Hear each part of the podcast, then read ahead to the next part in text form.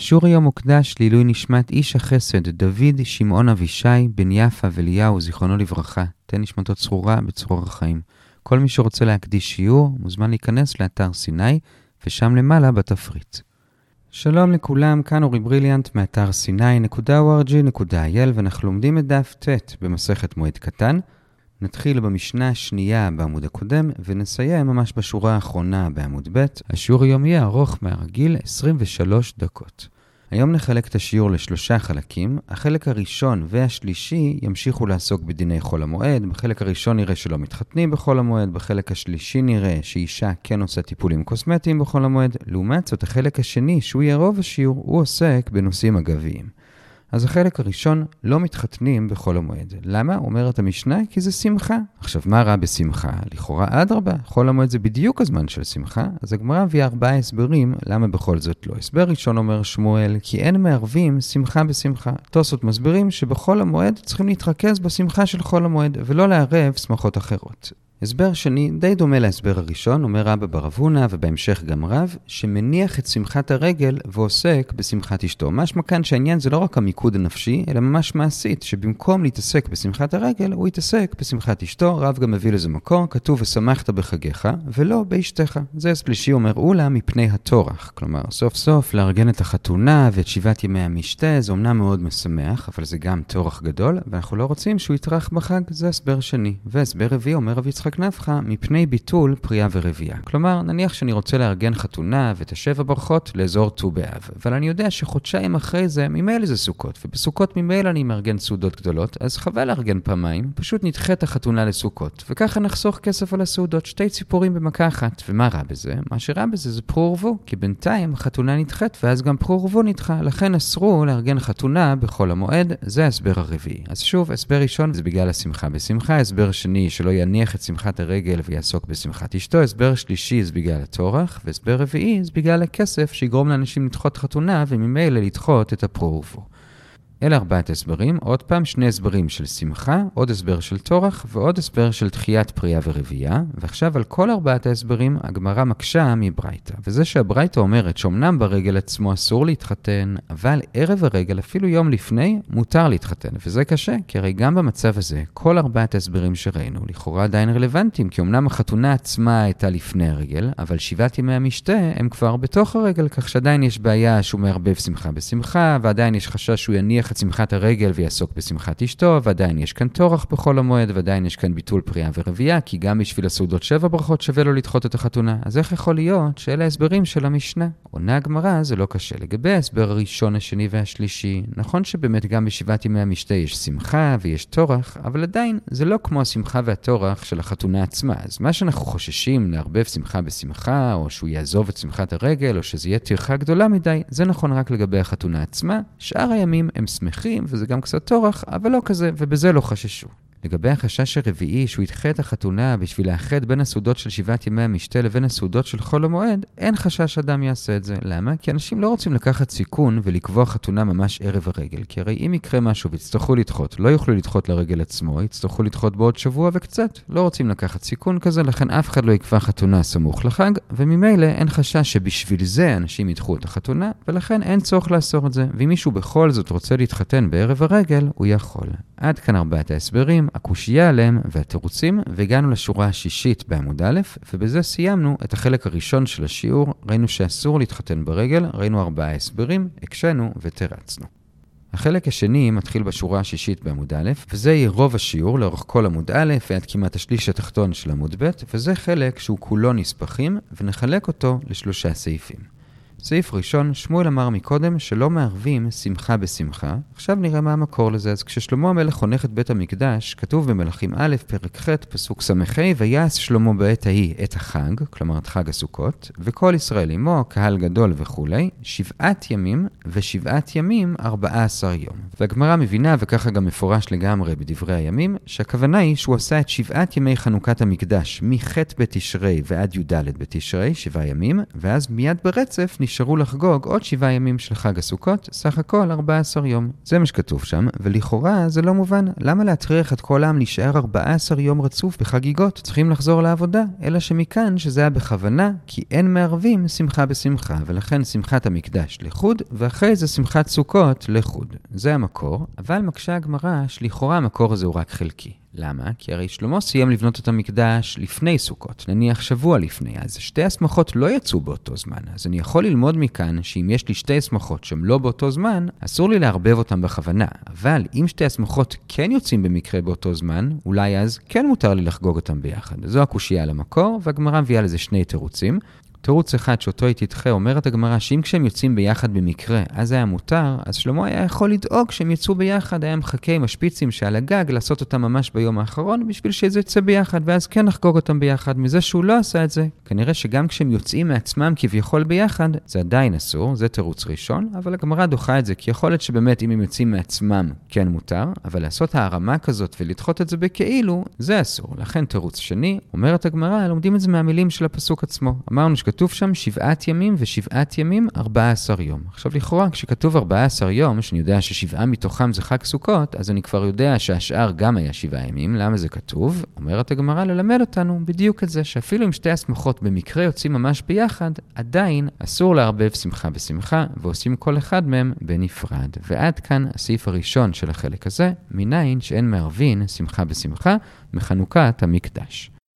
הסעיף השני מובא אגב הסעיף הראשון, זה נמצא בשליש העליון של עמוד א', כיוון שכבר הבאנו את הסיפור הזה של חנוכת המקדש, נביא מימרה של רבי יוחנן על זה, שהוא אומר שבאותה שנה הם לא עשו את יום כיפור, כי הרי אמרנו שהם עשו את חנוכת המשכן מח' בתשרי ועד י"ד בתשרי, כלומר שגם ביום כיפור, בי' תשרי, הם הקריבו קורבנות והם אכלו בשר, חידוש גדול, ובאמת הם קצת דאגו שאולי זה לא היה בסדר שהם עשו את זה, ולכן יצתה בת קול ואמרה להם, זה בסדר גמור, ככה צריך לעשות, כולכם מזומנים לחיי העולם הבא. זו המימרה של רבי יוחנן, ועכשיו על זה נראה חמישה דיונים. דיון ראשון, זה למה באמת הם התירו לעצמם את יום כיפור? מה פתאום? אומרת הגמרא, הם עשו קל וחומר מחנוכת המשכן. הרי בחנוכת המשכן הנשיאים הקריבו קורבנות במשך 12 יום, כל יום נשיא אחר, אז בתוך 12 יום ודאי שיש גם שבת. כלומר, קורבנות הנשיאים דחו את השבת, אז אם קורבנות הנשיאים, שהם רק קורבנות יחיד, וזה רק בשביל המשכן שהוא זמני, ושם זה שבת, שזה מאוד חמור, זה סקילה, בכל זאת הקורבנות דוחים את השבת, אז קל וחומר שחנוכת המקדש תדחה את יום כיפור, ששם הכל יותר רציני, זה לא קורבנות יחיד, זה קורבנות ציבור, וזה לא משכן שהוא זמני, זה המקדש, יש לו קדושת עולם, ומול זה לא עומדת השבת שהיא בסקילה, אלא רק יום כיפור, שזה רק כרת, אז בטח שזה ידחה את יום כיפור. זה דיון ראשון, למה הם התירו לעצמם. עכשיו, דיון שני, אם זה כזה ברור להם שזה מותר, למה הם בכל זאת דאגו? כי בכל זאת יש הבדל. בחנוכת המשכן, מה שהם עשו זה קורבנות, שזה צורכי גבוה. לעומת זאת כאן, הם גם אכלו ביום כיפור. אוכל זה צורכי הדיוט, אז אולי בכל זאת אי אפשר ללמוד משם, לכן הם דאגו, ולכן יצתה בת קול והרגיעה אותם שזה בסדר גמור. עכשיו תשאלו, אז באמת, למה שלא פשוט יקריבו ולא יאכלו? אומרת הגמרא, אין שמחה בלי אכילה ושתייה, זה חלק מהותי מהשמחה, ודאי שגם את זה עושים, אפילו שזה היה ביום כיפור. עד כאן הדיון השני.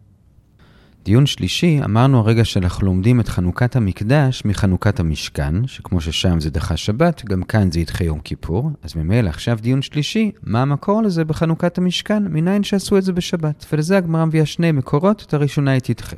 מקור ראשון זה מעצם זה שיש קורבן ביום הראשון, ביום השני, ביום השלישי, רביעי, חמישי, שישי, שביעי וכולי. כלומר, זה היה גם בשבת, אבל דוחה הגמרא, לא. יכול להיות שבאמת דילגו על שבת, ובספירה של התורה, הכוונה אל הימים הראויים להקרבה, לא כולל שבת. כלומר, סתם למשל, אם התחילו להקריב ביום ראשון בשבוע, אז יום ראשון זה היום הראשון, יום שני זה השני, שלישי, רביעי, חמישי, שישי, בכל הימים האלו הקריבו, אחרי זה בשבת לא הקריבו, ואז ביום ראשון המשיכו, ובתורה היום הזה נקרא היום השביעי, כי זה היום השביעי של להקרבות. אז את המקור הראשון דחינו, עצם זה שהיו שם שבעה ימים ומעלה, זה לא אומר שזה היה גם בשבת, לכן מקור שני זה שביום ה-11 וה-12 יש לנו מילה מיותרת, המילה יום. כתוב שם ביום ה-12 יום. לכאורה מספיק לכתוב ביום ה-12. אותו דבר למחרת, ביום 12 יום. למה המילה יום כתובה? ללמד אותנו שכמו שיום הוא זמן רצוף, אותו דבר, כל 12 הימים האלו היו זמן רצוף, כלומר, כולל שבת. זה המקור השני. עכשיו, למה זה כתוב פעמיים, גם ביום ה-11 וגם ב-12, כי אם היה רק פעם אחת, היינו אומרים כמו מקודם, אולי הכוונה היא רצוף בימים שבהם אפשר להקריב, לא כולל שבת. כמה שמלה זה כתוב פעמיים להדגיש לנו שזה כולל שבת. ועד כאן הדיון השלישי, מניין שאת קורבנות הנשיאים הקריבו גם בשבת. הדיון הרביעי, נחזור חזרה למקדש. ראינו מקודם בדיון הראשון למה הם הרשו לעצמם להתיר את יום כיפור. עכשיו נראה מניין לנו שהם התירו את יום כיפור. כלומר, מי אמר לך שאת שבעת ימי חנוכת המקדש הם עשו רצופים לפני סוכות, מח' בתשרי ועד י"ד בתשרי. אולי הם דילגו על יום כיפור. כלומר, התחילו בז' תשרי, על יום כיפור הם דילגו, ואז המשיכו. עונה הגמרא כי כתוב 14 יום, משמע שכל 14 ימים, גם שבעת ימי חנוכת המקדש וגם שבעת ימי סוכות, היו רצופים. עכשיו שוב תשאלו, מי אמר? אמר, אולי הכוונה היא רק לימים הראויים, לא כולל יום כיפור, עונה הגמרא, נלמד את זה גזרה שווה מחנוכת המשכן, גם שם וגם במקדש כתוב יום, אז לומדים גזרה שווה, כמו ששם זה היה רצוף, גם כאן זה רצוף. וזה היה הדיון הרביעי. הדיון החמישי, אמרנו שהם קצת דאגו, ואז יצתה בת קול ואמרה להם, אל תדאגו, אתם מזומנים לחיי העולם הבא. מאיפה לומדים את זה? יש על זה מדרש בברייתא, תני תחליפה, בפסוק שאחרי זה, כלומר, אחרי פסוק ס"ה של חנוכת המקדש, בפסוק ס"ו כתוב, ביום השמיני שילח את העם, ויברכו את המלך, וילכו לעוליהם, שמחים וטובי לב, על כל הטובה אשר עשה השם לדוד עבדו ולישראל עמו. זה הפסוק, והברייתא דורשת את כל חלקי הפסוק. מה שמעניין אותנו זה מה שכתוב על כל הטובה. מה זה על כל הטובה? זה על זה שיצתה בת קול שאמרה להם שהם מזומנים לחיי העולם הבא. זה עיקר הדיון החמישי. בסוגריים בואו נראה איך דורשים את שאר חלקי הפסוק. אז וילכו לעוליהם רומז לזה שהם הלכו לבתים שלהם ומצאו שהנשים שלהם טהורות. שמחים זה שהם נהנו מזה בשכינה. טובי לב זה שהנשים שלהם יתעברו בבן זכר. על כל הטובה זה מה שאמרנו, שמזומנים לחיי העולם הבא. ועל כל הטובה אשר עשה השם לדוד עבדו ולישראל עמו, אז לישראל עמו זה מה שאמרנו עכשיו, שנמחה להם העוון הזה שמחלו ושתו ביום כיפור ומזומנים לעולם הבא, ולדוד עבדו זה רומז לזה שרק עכשיו השם רמז לעם ישראל שהוא סלח לדוד על חטא בת שבע. איך הוא רמז? בזה שכשהביאו את הארון לבית המקדש, כשניסו להכניס אותו, השערים של קודש הקודשים נדבקו זה בזה ולא נתנו לו להיכנס, למרות ששלמה אמר את כל תפילת שלמה, שכוללת 24 סוגים של רננות, זה לא עזר, וגם כשהוא אמר שאו שערים ראשיכם, גם זה לא עזר, וזה רק עזר כשהוא אמר את הפסוק האחרון בתפילה שלו, מה שמובא בדברי הימים בסוף פרק ו', השם אלוקים אל תשב פני משיחך, זוכה לחסדי דוד עבדך. רק כשהוא הזכיר את דוד, אז השערים נפתחו, וכך כולם ידעו שהשם מחל לדוד על אותו עוון. כל זה היה בסוגריים, הבאנו את הברייתא בשביל לראות שהשם מחל להם, ועד כאן חמשת הדיונים על מה שרבי יוחנן אמר, שבאותה שנה הם הקריבו ואכלו ושתו ביום כיפור, ועד כאן הסעיף השני של החלק השני של השיעור. נזכיר עוד פעם, החלק הזה הוא כולו נספחים והוא כולו קשור לחנוכת המקדש של שלמה. בסעיף הראשון ראינו את המקור מחנוכת המקדש שאין מערבין שמחה בשמחה. בסעיף השני ראינו שרבי יוחנן אמר שבאותה שנה הם הקריבו ואכלו ושתו גם ביום כיפור. ועכשיו בסעיף השלישי נראה עוד שני סיפורים שהם לגמרי אגביים, וזה שני סיפורים על תלמיד שנכנס לרב כדי להיפרד ממנו. זה מובא כאן כי בסיפור הראשון גם כן מזכירים את הפסוק שקראנו מחנוכת המקדש. אז הסיפור הראשון זה שרבי יונתן בן אסמאי ורבי יהודה בן גרים באו להיפרד מהרב שלהם, רבי שמעון בר יוחאי. אז הם באו ביום אחד בשביל להיפרד, התכוונו ללכת באותו יום, ואז בסוף הם התחרטו ונשארו עוד יום, ולכן למחרת נכנסו אליו עוד פעם בשביל להיפרד שוב. אז הוא שואל אותם, בשביל מה להיפרד עוד פעם? כבר נפרדתם אתמול. אז הם ענו לו מהסיפור של שלנו, כי הרי בספר מלכים כתוב ששלמה שולח את העם ביום השמיני, שזה בעצם כ"ב תשרי, בשמיני עצרת, ובדברי הימים בפרק ז', באותו סיפור כתוב שהוא שלח אותם בכ"ג תשרי. משמע שהוא שלח אותם בכ"ב, והם נשארו, ואז עוד פעם באו להיפרד ממנו שוב בכ"ג, כשהם באמת הלכו, אז ככה גם עשינו אנחנו. ורבי שמעון בר יוחאי מאוד מתרשם מהתשובה שלהם, ואז הוא שולח את הבן שלו להתברך מהם, ולפני שהם שמו לב שהוא מחכה להם, בינתיים הוא שמע אותם דנים בשתי סתירות, שעוד מעט נפרט אותם בסוגריים, ואז הם שמים לב שהוא מחכה להם, שואלים אותו מה אתה רוצה, הוא אומר, באתי לקבל ברכה, ומברכים אותו בברכה שבמבט ראשון נראית דווקא כמו קללה. אבל הוא חזר לאבא שלו, רבי שמעון, והוא הסביר לו למה מה שהם אמרו לו זה בעצם ברכה. זה כבר ברבע העליון של עמוד ב', הם אמרו לו ככה, תזרע ולא תחצד, כלומר, אתה תזרע ולא תקצור, ורשב"י פירש, הכוונה היא, אתה תוליד בנים והם לא ימותו, זה דבר אחד. דבר שני ושלישי, זה תאייל ולא תיפוק, ותיפוק ולא תאייל, כלומר, אתה תכניס ולא תוציא, ואתה תוציא ולא תכניס. מה הכוונה? שני הדברים מתייחסים לקלות, כלומר, אתה תכניס ולא תוציא. תוציא, הכוונה היא שאתה תכניס כלות לבית שלך, כלומר הבנים שלך יתחתנו ולא תוציא, כלומר הכלות יישארו עד 120, הבנים לא ימותו, כי אם הם ימותו, הכלות יצאו חזרה לבית אביהם, ולהפך, תיפוק ולא תאייל, תוציא ולא תכניס, הכוונה היא שאתה תחתן את הבנות שלך, כלומר הם יהיו כלות בבית של מישהו אחר, והם לא יחזרו חזרה, כי הבעלים שלהם, בעזרת השם, יחיו עד 120. והדבר הרביעי, ליכוב ביתך וליטו ושפיזך, שהבית שלך יחרב ותתיישב האכסניה שלך, מה הכוונה? אז בית, הכוונה כאן זה לקבר, ואושפיזה, כלומר אכסניה, הכוונה לעולם הזה. אז מה שהם בעצם אמרו זה שהקבר שלך יחרב, כלומר לא תצטרך קבר בזמן הקרוב, תחיה חיים ארוכים, והאושפיזה שלך, כלומר העולם הזה שלך, יתיישב, כלומר שוב, תחיה חיים ארוכים. והדבר החמישי, לבלבל פטורח, כלומר שיתבלבל השולחן שלך, כלומר שיהיה לך בלגן בשולחן מרוב שיהיה לך מלא ילדים בבית, ודבר שישי, לא תחזי שתה חדתה, שלא תראה שנה חדשה, כלומר שאשתך תחיה ולא תמות, כי אם היא כן תמות ותתחתן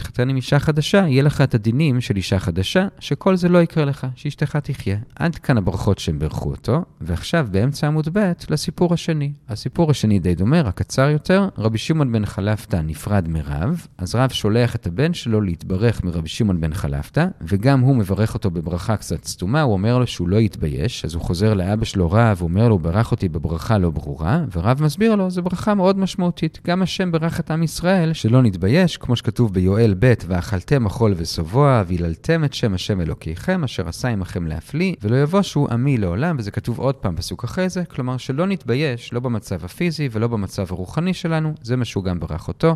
ועד כאן עיקר הסעיף הזה, שני הסיפורים של הפרידה, שהראשון בהם הזכיר את הסיום של הסיפור של חנוכת המקדש, ועכשיו בסוגריים נחזור חזרה לשתי הסתירות שהבן של רשב"י שמע את רבי יונתן בן אסמאי ורבי יהודה בן גרים דנים בהם. זה שתי סתירות די דומות. סתירה אחת זה בין שני פסוקים במשלי, מצד אחד כתוב פלס מעגל רגליך וכל דרכיך ייכונו, פלס זה מלשון לשקול, כלומר לבדוק מה שווה יותר, כלומר אם יש לי כרגע איזו מצווה קטנה לעשות, אבל אני יודע שאם אני לא אעשה אותה כרגע, אז אחרי זה יהיה לי אפשרות לעשות מצווה יותר גדולה, אז הפסוק אומר פלס, כלומר כן, תשקול מה שווה יותר, תעשה את מה ששווה יותר. מצד שני, גם במשלי פרק אחרי זה כתוב אורח חיים פן תפלס, כלומר אל תפלס. זו סתירה אחת. סתירה שנייה זה לגבי מצוות מול לימוד תורה, גם זה שני פסוקים במשלי. מצד אחד בפרק ג' כתוב יקריים מפנינים וכל חפציך לא ישבו בה, כלומר החפצים שלך, של העולם הזה, לא משתווים לתורה, אבל חפצי שמיים, מצוות, הם כן משתווים לתורה, ולכן גם אם אתה עוסק בתורה, אם יש מצווה שהגיעה אליך, תפסיק ללמוד ותעשה את המצווה. מצד שני בפרק ח' כתוב, וכל חפצים לא ישבו בה, גם חפצי שמיים, כלומר, אל תפסיק ללמוד תורה בשביל מצוות. זו הסתירה השנייה, ועל שתי הסתירות הם ענו באותה צורה, שזה תלוי האם יש מישהו אחר שיכול לעשות את זה. אם יש מישהו אחר שיכול לעשות את המצווה הקטנה יותר, או את המצווה שיש עכשיו, אז תן לו לעשות את זה, ואתה תעשה את המצווה הגדולה שאחרי זה, או תמשיך ללמוד תורה. אם אין מישהו אחר, אז אתה צריך לעשות את זה. זה היה בסוגריים, זה היה הדיון שהוא שמע אותם דנים בזמן שהוא חיכה לברכה, ובזה סיימנו את החלק השני, החלק של הנספחים, שכמעט כולו היה קשור לחנוכת המקדש.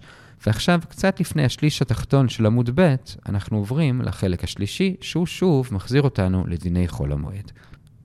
החלק השלישי זה שאומרת המשנה, שאישה עושה תכשיטיה בחול המועד. תכשיטים בלשון של המשנה, הכוונה היא לא לעגילים, צמידים וכאלה, אלא לטיפולים קוסמטיים, שמותר לעשות את זה בחול המועד. ולגבי זה נראה עכשיו ארבעה סעיפים בגמרא. סעיף ראשון זה מה זה אותם טיפולים, מן הסתם זה לא רק זה, אלא זה דוגמאות, וזה אומרת הברייתא, כוחלת, כלומר שמה איפור כחול מסביב לעין, ופוקסת, כלומר מסרקת את השיער, או יש מפרשים שהיא קולעת את השיער, ודבר שלישי, מעבירה סרק, איזושהי מסכה, חומר ששמים על הפנים בשביל להדים אותם. יש אומרים שהכוונה היא גם למטה, להסיר שיער, זה סעיף ראשון.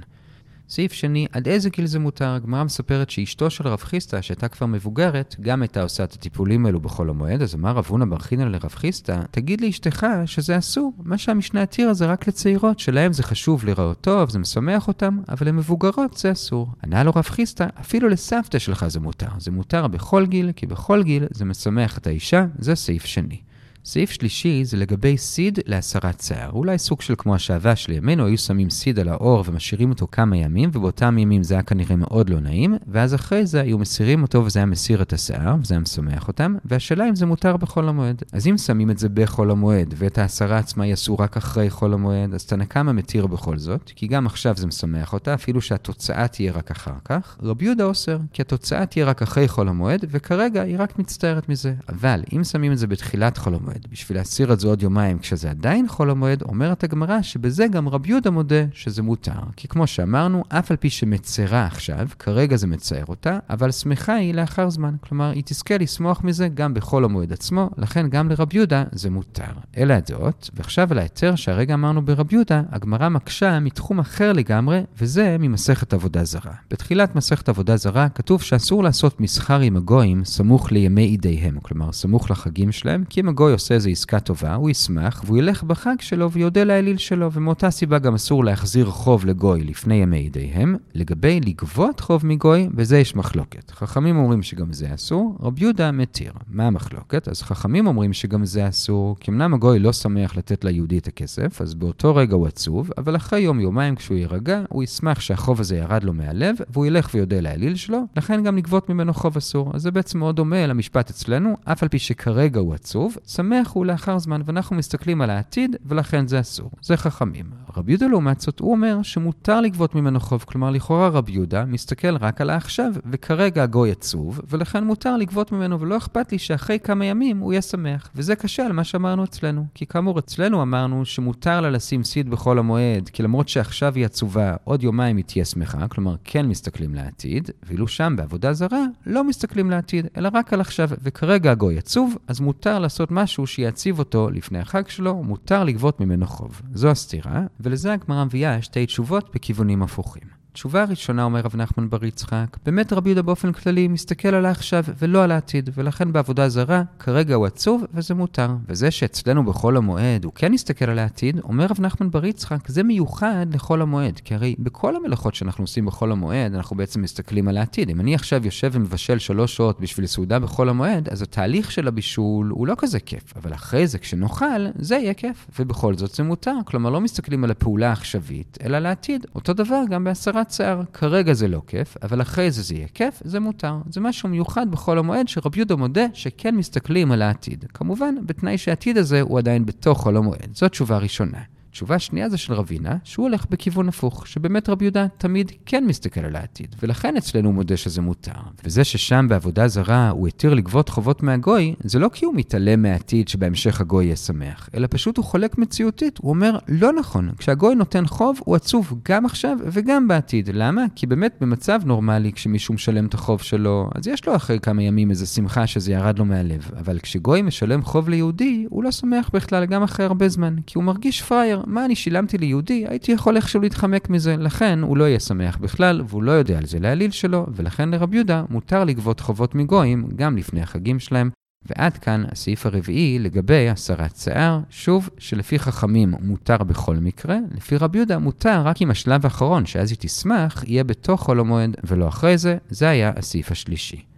הסעיף הרביעי והאחרון זה כבר תשע שורות לפני סוף עמוד ב', זה לא ממש סעיף הלכתי, אלא פשוט סעיף מציאותי, וזה לגבי איך מסירים שיער, ונראה בזה שלושה שלבים. שלב ראשון אומרת הגמרא שהעניות היו מסירות עם סיד, כמו שתיארנו, העשירות היו משתמשות בסולת, והממש עשירות בנות מלכים היו משתמשים בשמן המור. ששמן המור זה או שמן שנקרא סטקת, או שמן זית שלא הביא שליש, בכל אופן, זה שלב ראשון, איך עושים את זה. שלב שני, הגמרא מספרת שרב ביבי סד את הבת שלו, וכך היא הייתה מאוד יפה, וככה כשהיא התחתנה הוא קיבל בשבילה 400 סוז, כנראה שזה הרבה יותר ממה שהוא מקבל אולי שהוא היה סד אותה, והשכן שלו שהתלהב מהרעיון גם סד את הבת שלו, אבל הבת שלו מתה מזה. ולמה? כי הסיד כנראה הוא לא כזה בריא, ולכן כשרב ביבי עשה את זה, הוא עשה את זה איבר איבר, בשביל לא להפציץ פתאום את הגוף בהרבה סיד, אבל השכן לא הבין את זה ועשה את זה בבת אחת, ולכן היא מתה. ושלב שלישי, רב נחמן אומר, הבנות שלנו לא צריכות את כל זה, רב ביבי שהיה שותה הרבה שחר, זה גורם לזה שלבנות שלו יהיו שעירות, ולכן הוא היה צריך לסוד אותה. אנחנו לא שותים שחר, ולכן האור של הבנות שלנו הוא חלק, ולא צריך את כל הטיפול הזה, ובזה הגענו לשורה האחרונה בעמוד ב',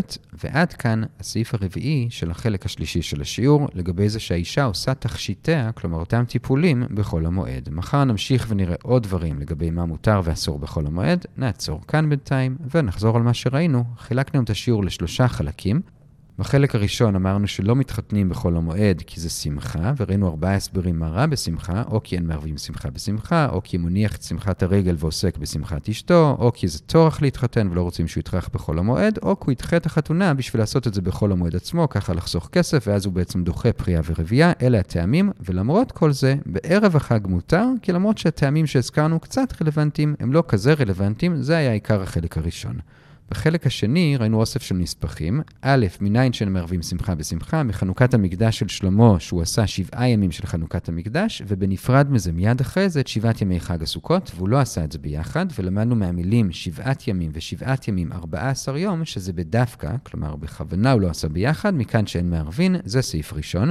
סעיף שני, רבי יוחנן מספר לנו שבאותה שנה לא עשו את יום כיפור, כלומר בעצם הקריבו ואכלו ושתו ביום כיפור, כי הרי את שבעת ימי חנוכה התחילו מח' תשרי עד י"ד, כלומר על יום כיפור, ועל זה ראינו חמישה דיונים, א', למה הם התירו, הם עשו קל וחומר מחנוכת המשכן, וב', הם בכל זאת דאגו שאולי זה היה טעות להתיר, כי הוא בחנוכת המשכן רק הקריבו קורבנות בשבת, כאן אכלו ושתו ביום כיפור, אכילה ושתייה זה לא צורך שמיים, ובכל זאת יצתה בת קול שזה בסדר, כי זה חלק מהשמחה, ודיון שלישי מניין שבאמת עשו את קורבנות הנשיאים בחנוכת המשכן בשבת, למדנו את זה מזה שכתוב ביום השתי עשר יום, המילה יום מיותרת, וזה כתוב פעמיים, זה בא ללמד אותנו, ודיון רביעי מניין שאת חנוכת המקדש עשו גם בשבת, אז כתוב 14 יום, ודורשים יום-יום מחנוכת המשכן, שזה רצוף, ומניין שהם יהיו מזומנים לחיי העולם הבא, כי כתוב בסוף ששלמה שולח אותם, אז הם הולכים לעולהם שמחים וטובי לב על כל הטובה, ומה זה כל הטובה? על זה שיצתה בת קול שמזומנים לחיי העולם הבא, זה היה הסעיף השני. סעיף שלישי, אגב זה מסופר על רבי יונתן בן אסמאי ורבי יהודה בן גרים, שהם באו להיפרד מרבי שמעון בר יוחאי, והם נפרדו פעמיים, ולמדו את זה מחנוכת המשכן, ששלמה שלח אותם, כמו שראינו הרגע, בכ"ב, ואילו בדברי הימים כתוב שהוא שלח אותם בכ"ג, כלומר בעצם הוא נפרד מהם פעמיים, ורשב"י מתרשם מהתשובה שלהם, והוא שולח את הבן שלו להתברך מהם, ומברכים אותו ברכה שנראית על פניו סתומה, אבל רשב"י מפרש אותה שיהיה לו חיים ארוכים, ויחתן את הבנים שלו ואת הבנות שלו, ויהיו מלא ילדים על השולחן שיעשו בלאגן, ואגב זה גם ראינו שתוך כדי שהבן של רשב"י חיכה לברכה, הוא שמע אותם דנים בשתי סתירות בספר משלי, כשהעיקרון של שניהם זה שאם יש מישהו אחר שיכול לעשות מצווה, אז אתה תעשה את המצווה הגדולה במקום זה, או תמשיך ללמוד תורה. אם אין, אז אתה צריך לעשות. ואגב הסיפור הזה, גם ראינו עוד סיפור של פרידה, שרבי שמעון בן חלפתא נפרד מרב, ורב שלח את הבן שלו להתברך, ורבי שמעון בן חלפתא מברך אותו גם כן ברכה שנראית לכאורה סתומה, ורב אומר שזו ברכה מאוד חשובה, שלא יתבייש, לא מהמצב הפיזי, הכלכלי, לא מהמצב הרוחני, כל זה היה החלק השני.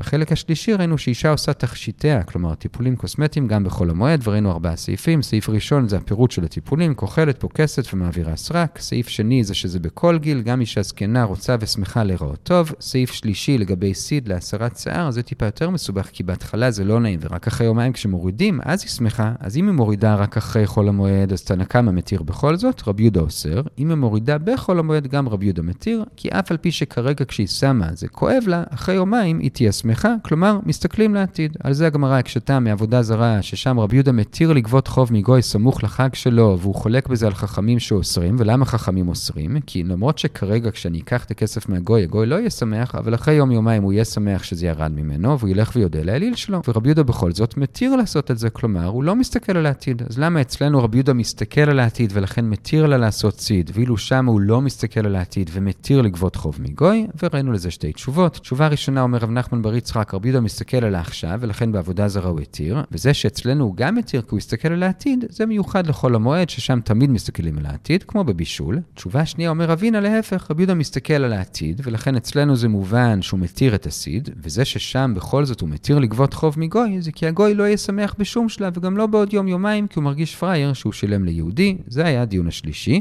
דיון רביעי היה קצת יותר מעשי לגבי איך מסירים שיער, ראינו שעניות בסיד, העשירות בסולת, מאות מלכים בשמן המור, רב ביבי סעד את הבת שלו והרוויח בגלל זה 400 סוז, אבל השכן שניסה לחקות אותו הרג את הבת, ורב נחמן אמר אנחנו שלא שותים שחר, אז הבנות שלנו לא צריכות את כל זה, כל טוב.